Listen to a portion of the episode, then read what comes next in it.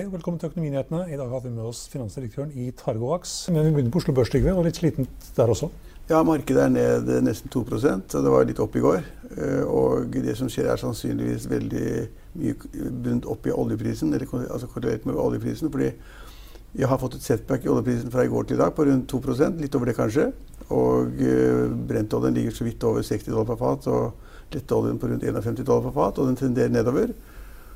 Og det som har skjedd, sannsynligvis som har uroet investorene, da, eh, ikke bare da innen oljesektoren, men andre aksjer, det er det at eh, hittil har det vært veldig mye ja, fokusert på tilbudssiden. At liksom OPEC-landet strammer til. Hvor mye olje får man ut av Iran? og hvor mye kommer ut av Venezuela, og, og hvor mye blir det av skiferoljen, og hvor, stor blir veksten i amerikansk olje osv. Men i dag har det også kommet masse meldinger om økt lagerbygging, uro om etterspørselssiden er god nok, eller om etterspørselen går ned istedenfor å øke osv. Slik at summen av alt dette ble ganske dårlig nytt eh, for markedene. Og de som da på en måte da definerer en del aksjer på Oslo Børs som oljeaksjer, som, som vi gjør, og da Equinor f.eks. har vært ned 2 i dag, og Aker BP har vært ned 4% og ei, hovedaksjonæren i Aker BP, Aker, har vært ned 3-4% slik jeg ser et tydelig press på de såkalte oljeaksjene Subsea 7 ned 4-5-6% osv. slik at den sektoren er ned.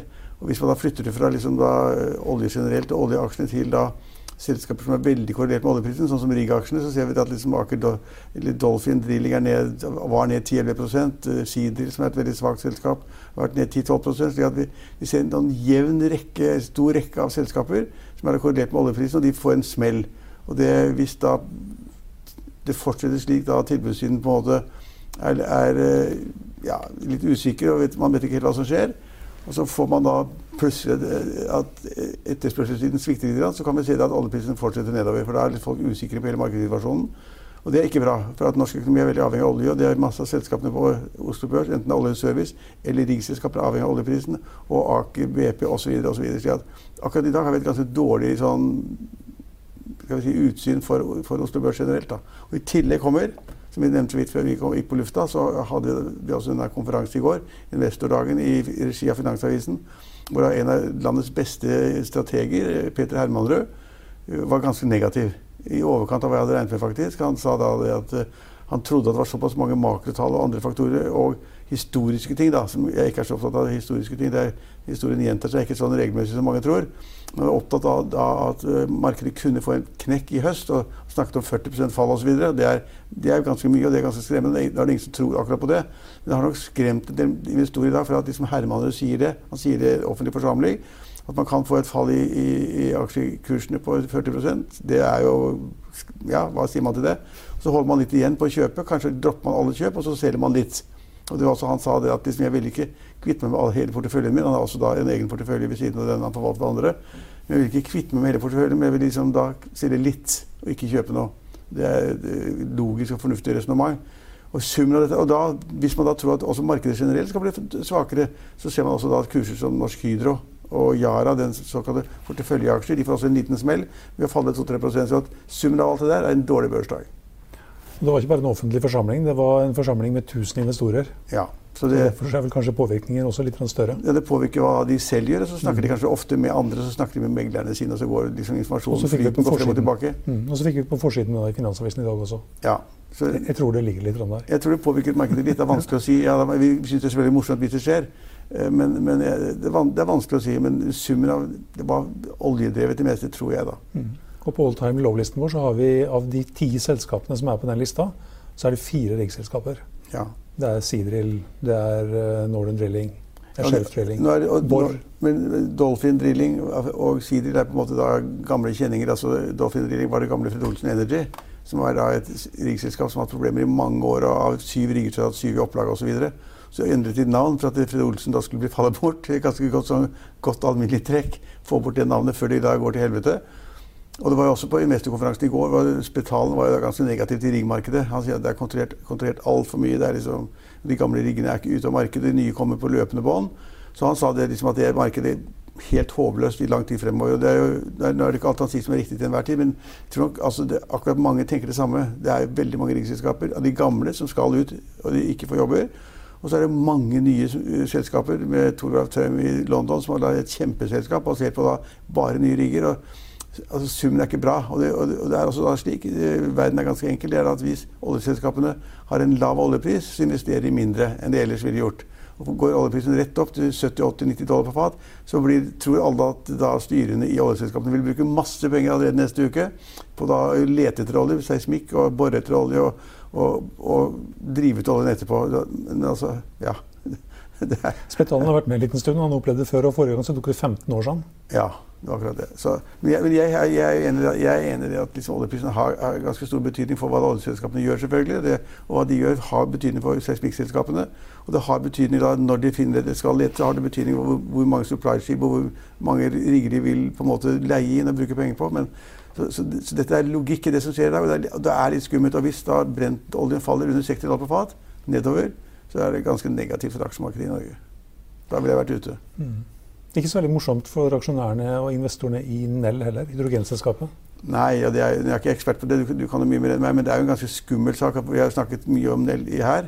Vi har fleipet med det, er litt, litt låsete faktisk. Jeg de gangene vi har hatt de som Nell-representanter her. At liksom, kan det gå i lufta en gang, liksom? Eller liksom, er det skummelt? Og det, det, er ingen som tror det. Ingen som trodde det. Og så går da én sånn stasjon i Sandvika i lufta, og ingen vet hvorfor. Det må liksom finne ut av fakta først. Eh, men så er det slik at i Norge så finnes det mellom 100 og 200 biler du får korrigere meg, som går på eh, hydrogen.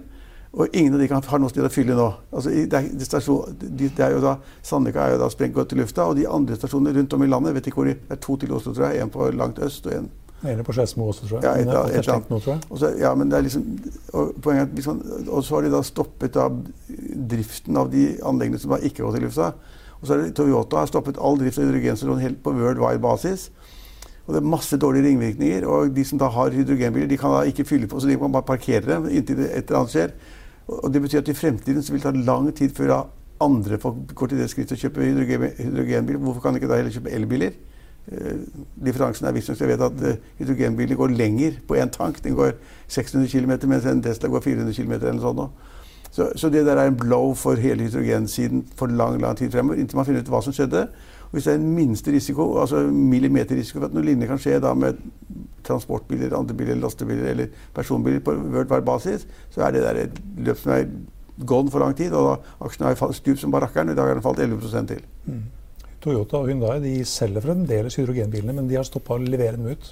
ja, ja. Og de som har disse bilene, de får uh, leie biler av Toyota. Ja. For de, de, har jo ikke noe alternativ. Men det er, det er, ganske skummelt og interessant. altså Tankevekkende at da en sånn eksplosjon og en feil som vi ikke vet årsaken til i, i Sandvika, den kan få sånn, sånn betydning da på altså worldwide for hydrogen og hydrogenbiler. Ja, Det skaper stor usikkerhet. Ja, altså Aksjen er ned 11 i dag. Den kan gå 10-20% i morgen også. for det er liksom ingen bunn. Og så er det det litt kompliserte som jeg synes, eh, som har ikke noe med eksplosjon å gjøre. Det er det at det er ikke mer enn en halvannen uke siden da at eh, storaksjonærene i, i Nell de solgte aksjer for nesten 1 milliard kroner. Jeg tror det var 840 millioner kroner eller noe sånt. Og det, det, er liksom ren pur flaks at de gjør det. Og så smeller det en uke etterpå.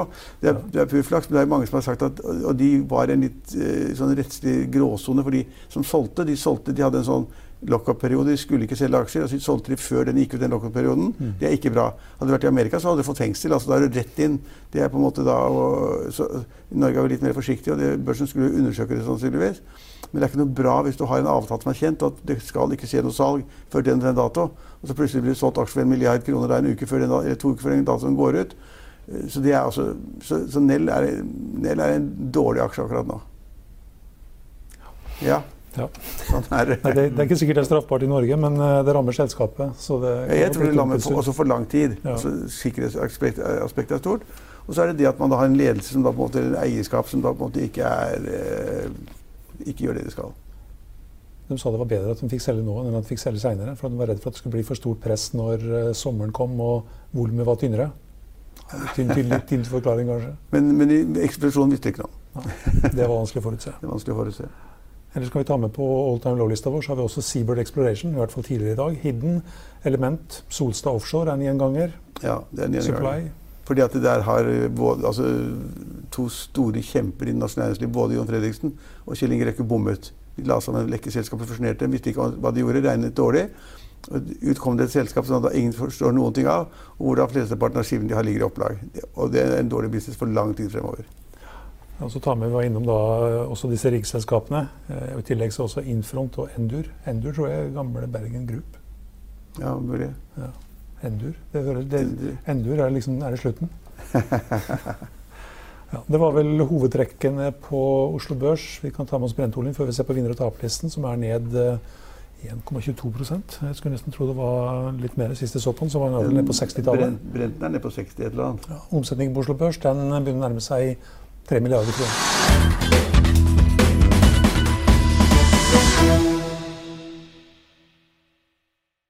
Vi har fått med oss eh, Torbjørn Furuseth i Targovax. Velkommen. Takk for det. Du er finansdirektør i selskapet. Mm. Og um, når dere og andre biotekselskaper sender ut meldinger, så er det ikke så lett å forstå alt som står der. Mm. Men kan du forklare veldig enkelt hva dere driver med? Ja. Targovax er jo et eh, biotekselskap som eh, utvikler en ny immunterapi mot kreft. Og vår teknologiplattform baserer seg på onkolytiske virus, som eh, både vi og mange andre tror vil spille en viktig rolle innenfor immunterapi framover. Hva er det for noe? Nei, altså, jeg kan først begynne med immunterapi. Immunterapi har vært et uh, veldig viktig gjennombrudd innenfor kreftbehandling og medisin generelt. Eh, for nå forstår vi på et mer detaljert nivå hvordan immunsystemet uh, agerer, opererer. Og vi har også vært i stand til å utvikle nye medisiner som kan manipulere immunsystemet. Så det gjør at man da klarer å få immunsystemet til å angripe kreften. Uh, og Det har vært et uh, veldig viktig forskningsgjennombrudd, selvfølgelig, men det har også gitt uh, veldig mye god behandling til pasienter. Pasienter som hadde dårlige behandlingstilbud eh, eller ikke noe behandlingstilbud, kan nå bli kurert av kreften sin med immunterapi. Og, og de to oppfinnerne bak de legemidlene som er i bruk i dag, fikk jo også nobelprisen sist år i medisin pga. den oppfinnelsen. Og Men, det men, men hvis jeg har forstått det rett, at jeg kan ingenting om det selskapet ditt, men altså, forstått det rett, så er det da gjort et, noen forsøk eller et eller annet eh, eksperimenter med mus eller rotter eller et eller annet sånt, Ja. som da virker på en eller annen måte, og, og, og, og da den immunterapien som dere jobber med, på en måte da i første rekke da gjelder altså hudkreft. Ja, vi kjører en studie i hudkreft. Ja. Og så kjører vi også en studie i eh, noe som heter mesoteliom, i lungehinna. Og også i eh, kreft fra endetarm og tjukktarm og, og eggstokk, eh, som er spredning til bukhula. Så vi har flere, Flere spor. flere spor som vi følger. Men hvis du da finner da en sammenheng, da, så vidt jeg forsto det på en eller annen melding som kom på en stund siden, så, var, eh, så hadde man hatt noen da positive eller vellykkede forsøk. ja. Eh, og hvis det er riktig, da, det vet jeg ikke jeg er riktig, men hvis det er riktig, hvor lang tid, da, tid tar det fra da man har gjort enda flere forsøk, eller nødvendige forsøk, eller gjentatt det tusen ganger, før man da eventuelt kommer til en godkjennelse til norske myndigheter, amerikanske myndigheter, Ja. og før da de pillene eller da i terapien foreligger på Radiumhospitalet eller i- på apoteket? ja altså et, et, legemiddel, år tar det? et legemiddelutviklingsløp tar som en tommelfingerregel ti år. Ja, ok. Fra du på en måte har en, en oppdagelse av at et molekyl kan eh, virke i mus, eh, til du har et produkt på markedet. Det er en lang tid. Det er lang tid. Og det er lang tid for investorer som, Da som må du skal ha være mye med der. penger og tålmodig. Det koster 2,5 milliard dollar i snitt eh, å dra et legemiddel eh, fra start til, til markedet. Er det derfor den kurven på Targovax skal rett ned? Nei, men også det her har jo vært et, et stort gjennombrudd for pasienter og for forskningen, men også for kommersielt sett så det her eh, har vært en stor suksess. Så De to legemidlene som ble godkjent i 2014, så fem år fra nå, de omsetter i dag for 20 milliarder dollar. Og med de legemidlene på markedet så har det også oppstått et nytt behov, fordi de legemidlene her de virker ved å hjelpe da, immunsystemet til å De T-cellene som, eh, som da, immuncellene som da skal drepe kreftsvulsten, de får hjelp av det legemiddelet her. Men for å kunne angripe kreften, så må du også skape de rette T-cellene først. Og det er der vi kommer inn. For med vårt produkt så kan vi injisere det i kreftsvulsten, trigge en sterk immunrespons i svulsten, eh, få masse immunceller inn i svulsten.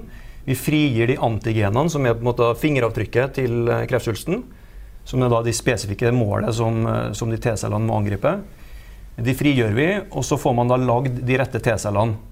Slik at det da virker i samspill med de etablerte Så det er der viruset kommer inn. da. Det er der viruset kommer inn. aktivator. Ja. Så vi er en aktivator. Vi aktiverer immunsystemet for å få skapt de rette T-cellene. Eh, og da sammen med de eksisterende produktene på markedet, så kan de T-cellene da gå og drepe kreftcellene mer effektivt. Så, Så det er komplementære teknologier. så, så altså, ting, Det er lang tid, det skjønner jeg. Mm. Og så er det komplisert. Og, hvis, og, og selv om man lykkes, så er det problematisk. Men hvor stort er selskapet nå? Altså jeg kan ingenting om Targovax. Hvor stort er det? Altså hvor mange jobber der? Hva er market capen? Hvor Ja, market cap på rundt 350 millioner norske. 350 millioner norske? Eh, Det er ikke så mye. Det er mye lavere enn det vi ønsker å ha det. ja. Ja, Og hvor mange ansatte de gjorde der? 25. Og fem, Men vi bruker jo mye hvor mange av de 25 er forskning eller altså et eller annet? Det må være noen hvite frakker som skal ja, finne på Det er vel eh, 20 da, som jobber med forskning og Utvikling. utvikling, og 20 av 25. produktet. Ja, og pro produktutvikling. Produktet er også viktig i seg sjøl. Og så er det fem da, på business development og finans. Og, Men 350 millioner i market cap og ca. 25 ansatte. ja. Ja, Det er et lite selskap, da. Det er lite selskap. Vi bruker ikke at det er noe skryt av hvor mye vi bruker, men det er 145 millioner brukte vi da i 2018 på utvikling. For vi, vi bruker jo da eh, også eksterne leverandører for å gjennomføre mye av det vi Men, men hvor mange altså, Spørsmålet er kanskje helt tåpelig, men altså, hvor mange selskaper på worldwide basis er det som driver med akkurat det samme? Nei, jeg har vi ikke noe tall på akkurat det, men det Det mange. må jo være noen. Dem, dem, det, altså, medisiner altså vi, og leger ser, leser jo alt fra tilskrifter tidsskrifter til andre. Hva, hva driver de med, hva driver de med, og det der bør vi drive med. ja, det, det, er mange som, eh, som eh, satser på det her. eh, Og også innenfor, innenfor nisjen som vi har med onkolytiske virus, eh, så er det også flere selskap som driver. Så vi er jo ikke de eneste som tror på onkolytiske virus. Nei, jeg vil tippe det at det ikke, at det ikke var det. Ja. Ja. Men, men, eh, men det som er, er viktig, er at vi, vi gjør jo nå studier i um, Vi har både monoterapidata fra før, som ser hvordan viruset vårt virker på, alene, og får sett gode effekter i pasienter på det. Og så kjører vi nå kombinasjonsstudier med andre legemidler. Der vi får testa det ut da, i, i de ulike indikasjonene og får sett hvilke effekter vi har, og eventuelt om det er noen bivirkninger. Da. Du sa det koster 2,5 milliard dollar. Ja. Hele veien, hele veien fram, ja. Dit vil jo dere aldri komme. Nei, det Så liksom, hva er det dere skal gjøre? Men nå er det også gjennomsnittet, så noen er dyrere enn andre. Det som faktisk har vært spesielt innenfor immunterapi, og som også gjør at eh, mange investorer har blitt interessert, det er at utviklingsløpet har vært mye kortere og billigere enn eh, mer tradisjonelle utviklingsløp. Mm. sånn at FDA When you're ready to pop the question, the last thing you want to do is second guess the ring. At Bluenile.com, you can design a one of a kind ring with the ease and convenience of shopping online. Choose your diamond and setting. When you find the one, you'll get it delivered right to your door. Go to Bluenile.com and use promo code LISTEN to get $50 off your purchase of $500 or more. That's code LISTEN at Bluenile.com for $50 off your purchase. Bluenile.com code LISTEN. I'll see you in court. Vi sier det ofte litt på spøk, men for deg som driver business, er det aldri moro å innse at du ikke har laget en 100% gyldig kontrakt. Du bør ikke risikere hele firmaet ditt fordi du synes dette med kontrakter er litt stress. En avtale er ikke en avtale. Du kan miste kunder, miste venner, ja, til og med miste inntekter om du ikke lager en skikkelig kontrakt, på alt mulig, egentlig. Men vi vet det er et styr. Kopimaskiner, treg printer og haugevis av papir. Dessuten stoler vi jo på folk her i landet. Det er ofte litt kleint å skulle be om en signatur for alt mulig, ja, for mye av styret handler også om jakten på underskriften. Det finnes en enkel måte å løse dette på, Dukkobit, en trygg, effektiv og get this, gratis måte å sikre seg en god natts søvn pluss en juridisk bindende avtale. Dukkobit-appen har de strengeste sikkerhetskrav i bunn, samt en EU-godkjent og sertifisert teknologi. Framover vil det bli behagelig å spørre du, skal vi skrive under på det, eller? Kom i gang på dokobit.no. GAGOS, altså det amerikanske legemiddelmyndighet, legemiddelmyndighetsverket de ga godkjenning på de produktene her på mange færre pasienter enn de har gjort tidligere. Fordi at du kan underbygge det med de immundataene også. Du har kliniske data som viser så bra går det med pasienten. Du kan også sannsynliggjøre hvorfor du har den effekten, fordi at du viser at immunsystemet reagerer på den måten. Men, men, men det er såpass små og en stor verden og, og krevende å investere og krevende å finne. Mm. Og det tar tid, som du sier, ti år og flere milliarder kroner. Da må dere hente penger løpende hele tiden, da. For det er jo ikke noen inntekter. Vi har ingen inntekter, vi har ingen inntekter og, og bare utgifter per nå, ja. Ja, ja, og det er ikke noe galt i det, men så, sånn er det jo. Men altså, det, Ja. betyr det at dere henter pengene regelmessig? Jeg har jo ikke sett på selskapet ditt. Men, Ja, Vi henta penger nå sist i mars. Ja, Hvor mye gjør det? Eh, 75 millioner ca. Okay, og det holder til? Ja, så det holder. Vi har, vi har, nå har vi runway sånn at vi får viktige readouts eh, før vi skal hente penger igjen. Ja, ok. Og når, men når er det? Ja, vi, vi får eh, nå om en liten måned så har vi avlesning på, eh, innenfor melanom. Så ser vi hvordan det går med melanompasientene våre som da eh, kombineres med en av de store som er der ute. Vi har allerede sett at én pasient som har hatt langvarig kreft med, med, som ikke responderte på annen behandling, når de fikk vårt virus sammen med det andre, så gikk kreften helt bort. Altså en komplett respons. Men det kan være flaks? Eller? Ja, det, det, er veldig usannsynlig. Men én pasient er jo Det er veldig usannsynlig at han skulle respondere med en uh, komplett respons. Uh. Men, så, så, den pasienten er helt frisk? Ja. 100% frisk? Ja. Kurert? Ja. Det er ikke så ofte man hører om det. Nei, det, det, men det er en pasient. Men hvor, men hvor, fikk den pasienten medisinen? Altså på Radiumhospitalet? Nei, altså, Den studien her kjører vi i USA, på topp okay. top senter i USA. På Mem Memorial Sloan, Kettering i New York. Som er Amerikaner, altså. Ja. Men du, du, du hadde en graf for i dag. Ja, på kursutviklingen. Har, sånn har det gått. Hvorfor, altså, når er det tidspunktet det begynner å falle? Ja, det er for om, ja, i, vinter, I vinter, vinteren 2017. Grafen begynner, jeg ser ikke så langt, jeg. Men. Nei, Han begynte i høsten, eller sommeren 2016, egentlig. Vi gikk jo på børs i begynnelsen av juni. 2016. Juni 2016 uh, gikk på børs, ja. Og toppen der, var, når var det? Ja, Det er jo da vinteren 2017, for to år siden. Ja, og siden det så har det bare gått nedover og nedover. Så hva, hva tenker finansdirektøren da? komplisert liv eller komplisert Ja, det blir jo Det er klart at det, det er jo ikke en hyggelig graf, det der. Eh, og vi jobber jo hver dag på å kunne snu den med å eh, levere data og skape tillit til markedet. Men Er det da noen aksjonærer som er store, som har mye penger, eller er det liksom fordelt på mange entusiaster og for små aksjonærer? Eller er det noen store som kan fytte masse penger inn hvis de må?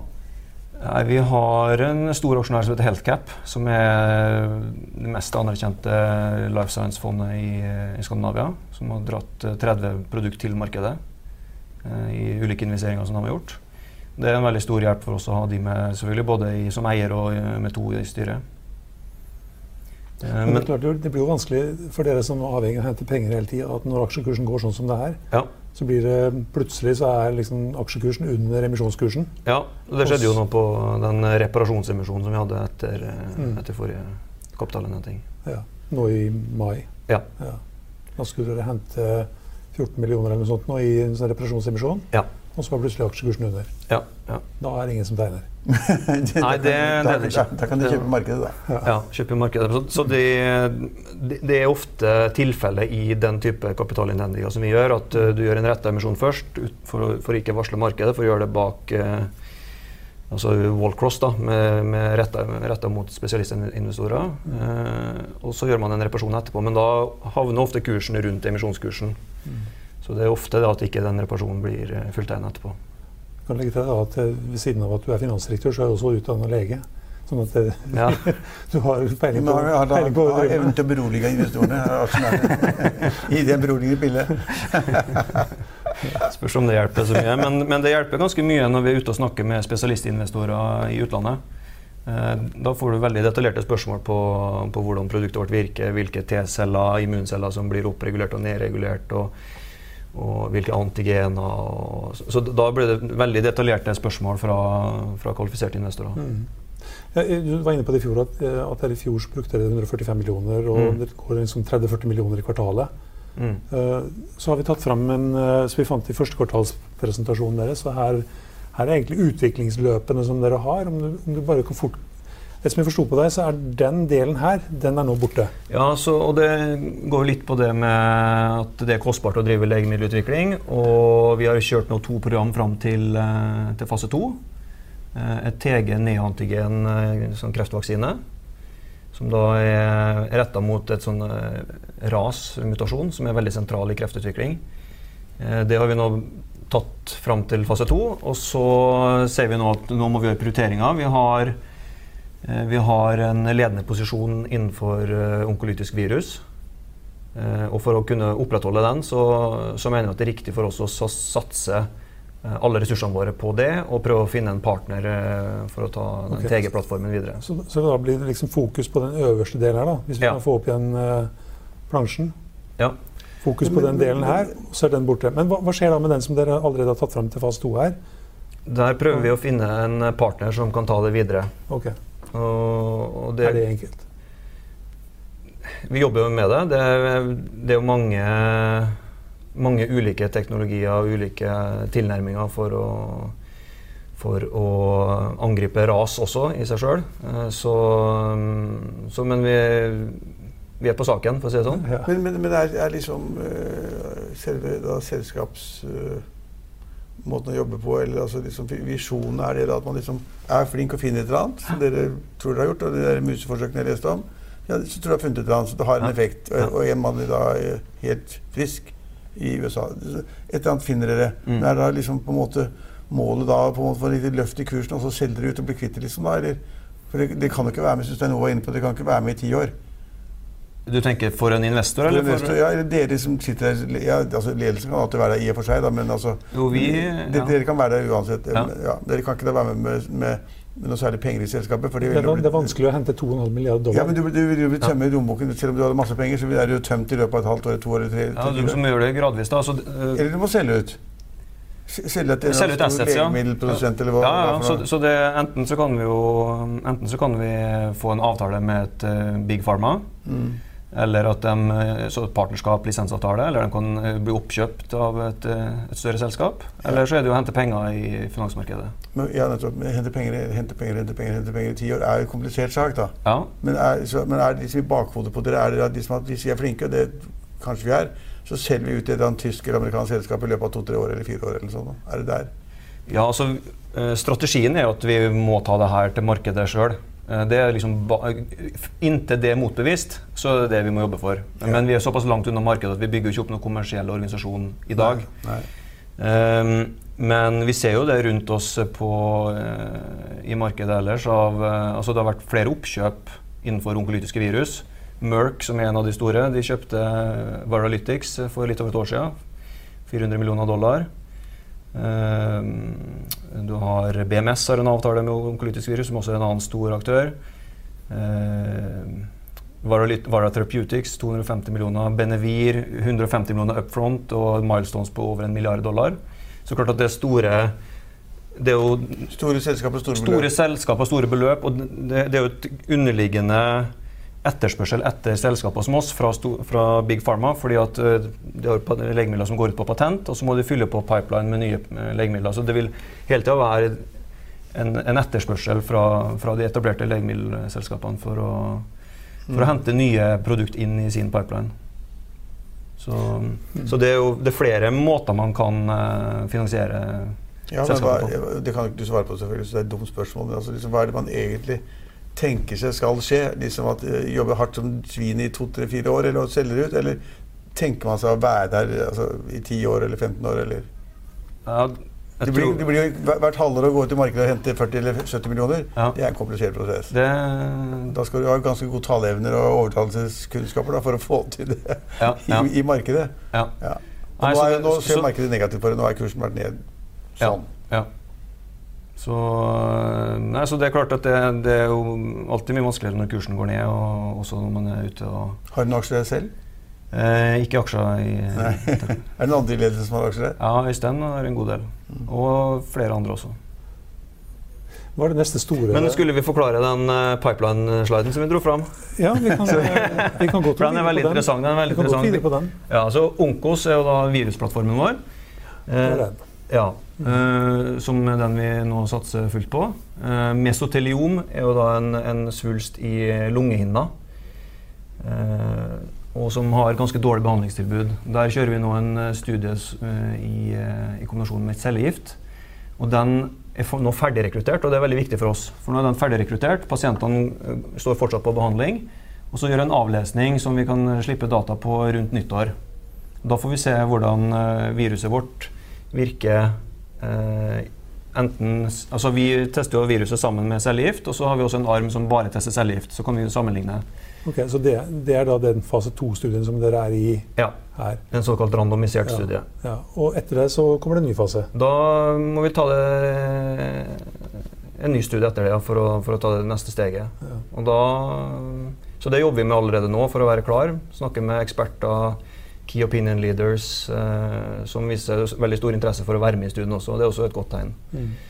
Så, så det, det, er jo den største uh, avlesninga som kommer da rundt nyttår.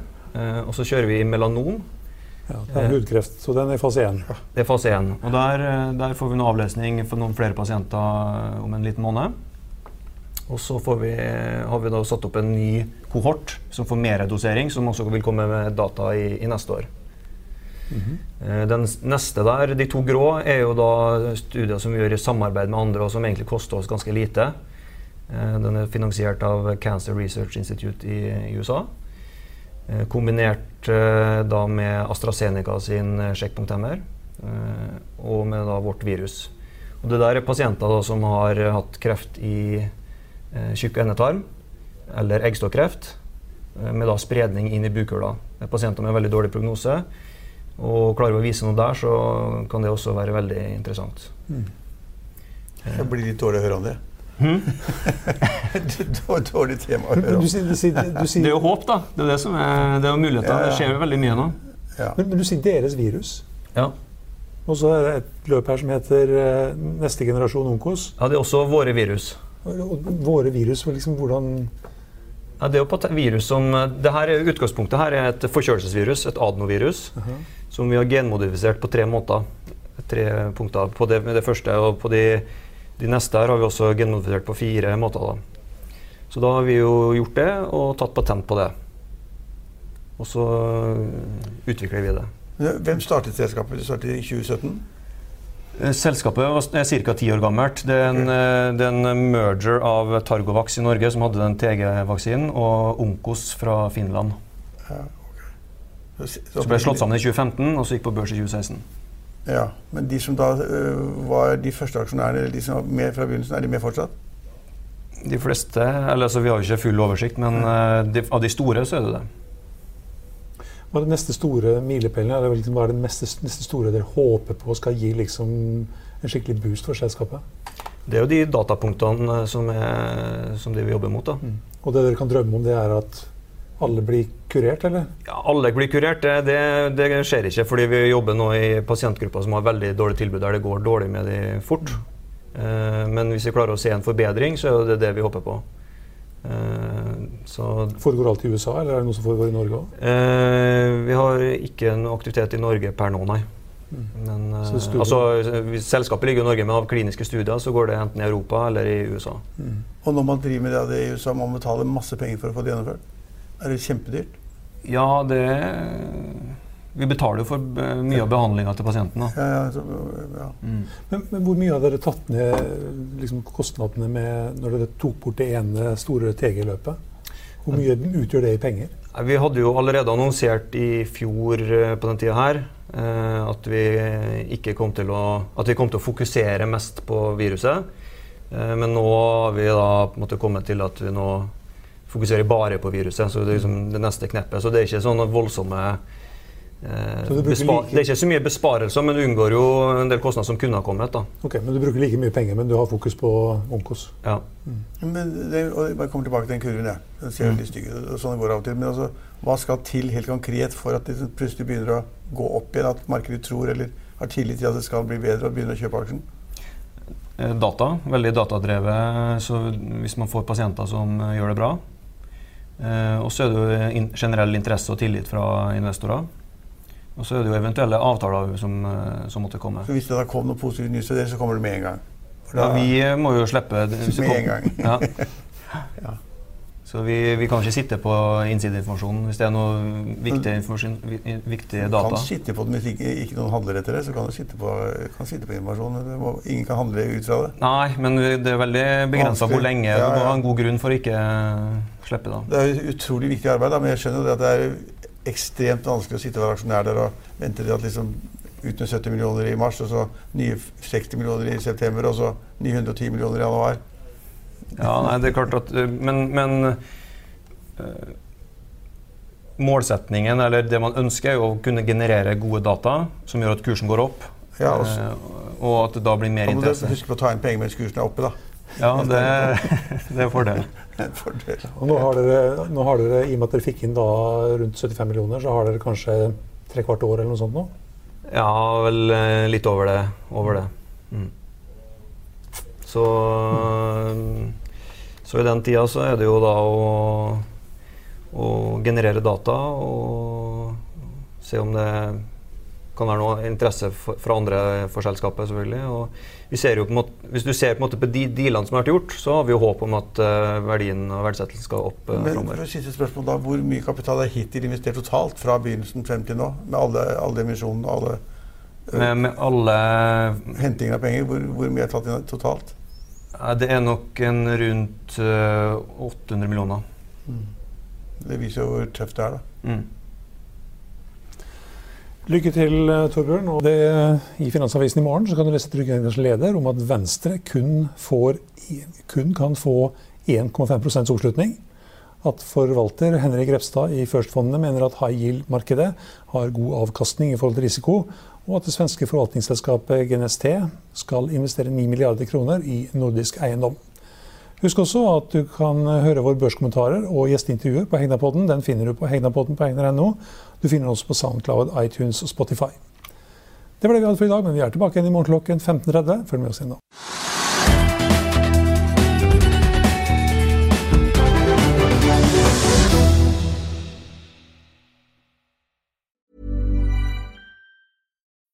When you need mealtime inspiration, it's worth shopping Kroger, where you'll find over 30,000 mouthwatering choices that excite your inner foodie. And no matter what tasty choice you make, you'll enjoy our everyday low prices, plus extra ways to save, like digital coupons worth over $600 each week. You can also save up to $1 off per gallon at the pump with fuel points. More savings and more inspiring flavors make shopping Kroger worth it every time. Kroger, fresh for everyone. Fuel restrictions apply.